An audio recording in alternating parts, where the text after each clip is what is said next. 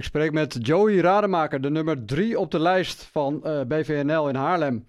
Maar uh, ja, niet de nummers 1 en 2 die uh, komen in de raad, maar wel de nummer 3, Joey Rademaker. Goedemiddag, Joey.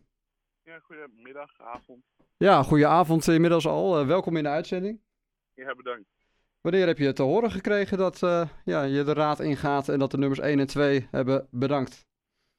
we hadden woensdag een vergadering en met goed overleg hebben we dat daar besloten. En was je verrast uh, dat, dat dat uit die vergadering woensdag kwam?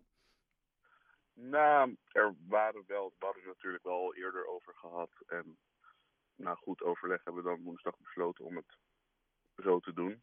Mm -hmm. Niet echt verrast, maar het had was nog niet vast. Had je het van tevoren wel aanzien komen dat dit een van de scenario's uh, zou worden? Um, niet per se. Richting, de, ja, richting 17 maart kwam het wel een paar keer ter sprake. Maar ik had het niet echt van tevoren aanzien komen. Nee, want uh, nou ja, in een uh, nieuwsbericht lees ik dat er uh, gewijzigde werkomstandigheden zijn. Dat is natuurlijk, nou ja, zijn vrij algemene termen. Kun je daar iets ja. over zeggen? Waarom hebben ja, de nummers 1 en 2 bedankt? Wat, wat zijn dan die, die gewijzigde werkomstandigheden? ja, dat zijn bij hun natuurlijk privéomstandigheden, gewijzigd werk. Ja, ik kan er niet specifiek op ingaan. Maar het kwam erop neer dat ze niet de tijd hadden om ja, onze stemmen goed te vertegenwoordigen. En uh, ja, misschien een gekke vraag, maar had je dan niet gelijk uh, lijsttrekker uh, willen zijn? Als je uiteindelijk dan toch nou ja, in de raad komt en ja, deze personen inderdaad niet die rol op, op zich kunnen nemen vanwege die omstandigheden? had gekund, maar dit was van tevoren niet, hadden we van tevoren niet voorzien. En het is zo gelopen en ik ben heel erg blij dat ik nu de raad in kom. En, uh, ja, precies. Aan die omstandigheden kan je niet uh, op ingaan. Dat heeft met het, privé, ja, het privéleven misschien ook wel van hen te maken. Dat laat je al even doorschemeren. Um, ja. Waarom ben je blij dat je deze rol hebt? Omdat ik een heel leuk avontuur vind. Ik ben enthousiast om te beginnen. Mm -hmm. En ik ga er een mooie vier jaar van maken. Ja, want de BVNL die komt natuurlijk op voor de ondernemer. Zeker. Kun jij vertellen wat jouw affiniteit is met ondernemerschap? Um, ik ben nog jong, net klaar met uh, studeren. Ik ben fractiemedewerker, dus met ondernemen heb ik zelf nog niet zo heel veel ervaring. Maar we hebben wel een heel team achter ons staan met ondernemers die mij uh, precies kunnen vertellen wat er mis is en hoe het beter kan. Ja, dus uh, in die zin ben je een luisterend oor voor ondernemers.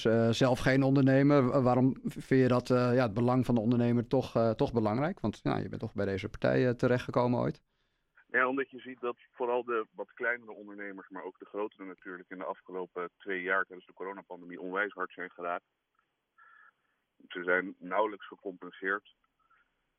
En dus ik vind wel dat die mensen, ja, dat daar wat meer voor opgekomen mag worden. En dat is uh, te weinig uh, gebeurd, uh, zowel op landelijk niveau als op gemeentelijk niveau, zeg je eigenlijk. Zeker. Want bedrijven zijn wel deels gecompenseerd in personeelskosten. En sommige sectoren zijn bedrijven ook geholpen met bepaalde omzetverliezen. Wat, wat had de overheid of misschien nou en, en de gemeentes meer moeten doen voor de, voor de ondernemer? En voor, ook voor de kleine ondernemer? Nou ja, de, de compensaties die ze hebben gekregen, dat is natuurlijk nooit genoeg om de klappen op te vangen die ze de afgelopen twee jaar hebben gehad. Dus ja, ten eerste had iedereen gewoon open moeten blijven. Maar als dan toch alles dicht moet, dan was, had er veel ruimer gecompenseerd moeten worden. Mm -hmm.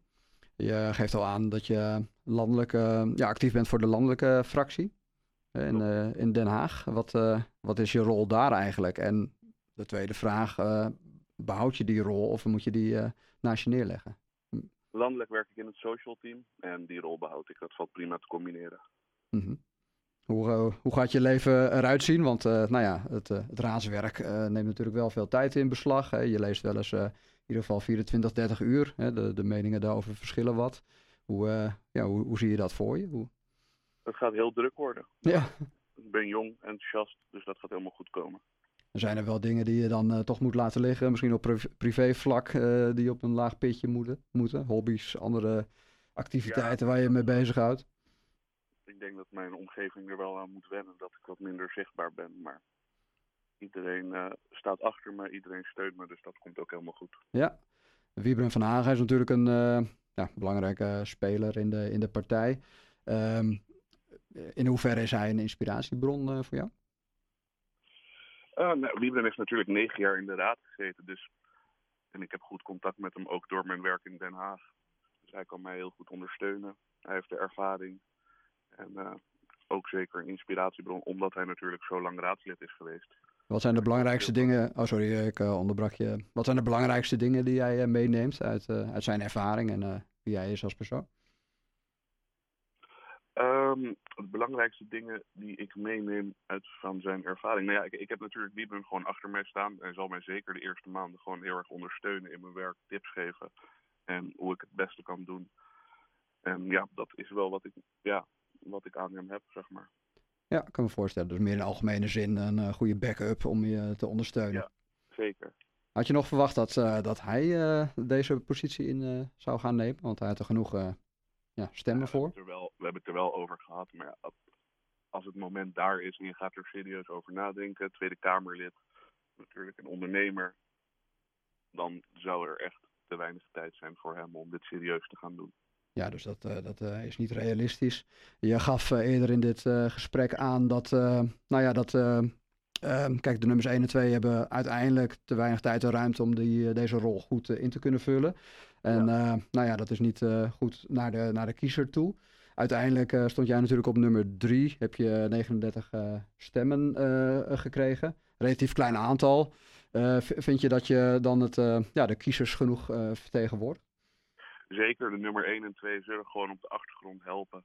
En of nou de nummer 1, 2 of 3 in de raad komt, wij gaan onze. Ja, wij gaan uitvoeren waarom, waarom de kiezer. Wij gaan uitvoeren wat er in ons partijprogramma staat en waarom de kiezer op ons gestemd heeft.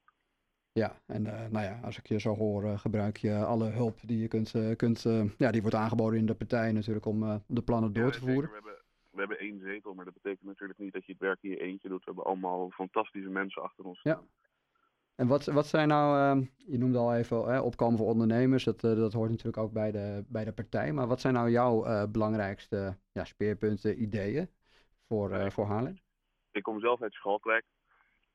in Schalkwijk zijn er natuurlijk min, meerdere problemen. Het, is, ja, het heeft veel achterstallig onderhoud. kijk bijvoorbeeld naar het winkelcentrum, dat is eigenlijk helemaal niks meer, veel leegstand. Daar is wel een plan voor, begreep ik, hè? om dat op te knappen. Klopt, ja. Maar het kan altijd beter. Zoals bijvoorbeeld het politiebureau, dat is nu alleen open op afspraak. En het lijkt me belangrijk, zeker in Schalkwijk, dat dat gewoon altijd open is. Um, ja, anders zou je naar de Koude Hoorn moeten. Als je in Schalkwijk woont, is gewoon een politiebureau in Schalkwijk een stuk toegankelijker. En wat ook heel belangrijk is, is de woningnood. Het is zeker voor starters onwijs lastig om een woning te krijgen. En daar moet echt wat aan gedaan worden. Ja, en het is lastig voor starters. Het is ook lastig, denk ik, om dat uh, complexe probleem hier helemaal te ontrafelen. Maar toch, als je dan een paar dingen moet noemen, hoe, uh, ja, wat zou een deel van de oplossing kunnen zijn om de woningnood uh, op te lossen in deze regio? Nou, als je in ons verkiezingsprogramma kijkt, dan zie je daar iets staan over het plan van Max van Aarschot. Het gaat over het bouwen van 15.000 woningen. In de Oostpoort heb je nog genoeg ruimte voor nieuwe woningen. Dus er zijn wel degelijk mogelijkheden. Maar in jouw ogen komen die niet uh, snel genoeg van de, van de grond. Nee. Oké, okay, en daar uh, ga je voor strijden, duidelijk. En uh, ja, Joey Rademaker, bedankt dat je op zo'n korte termijn wilde, wilde reageren. En ik wil je heel veel succes wensen in je nieuwe rol. En ja. ja. met je drukke leven natuurlijk ook. dat zal wel aanpoten zijn om dit allemaal te combineren. Klopt, maar het wordt een heel mooi avontuur. Uitstekend, bedankt Joey. Bedankt.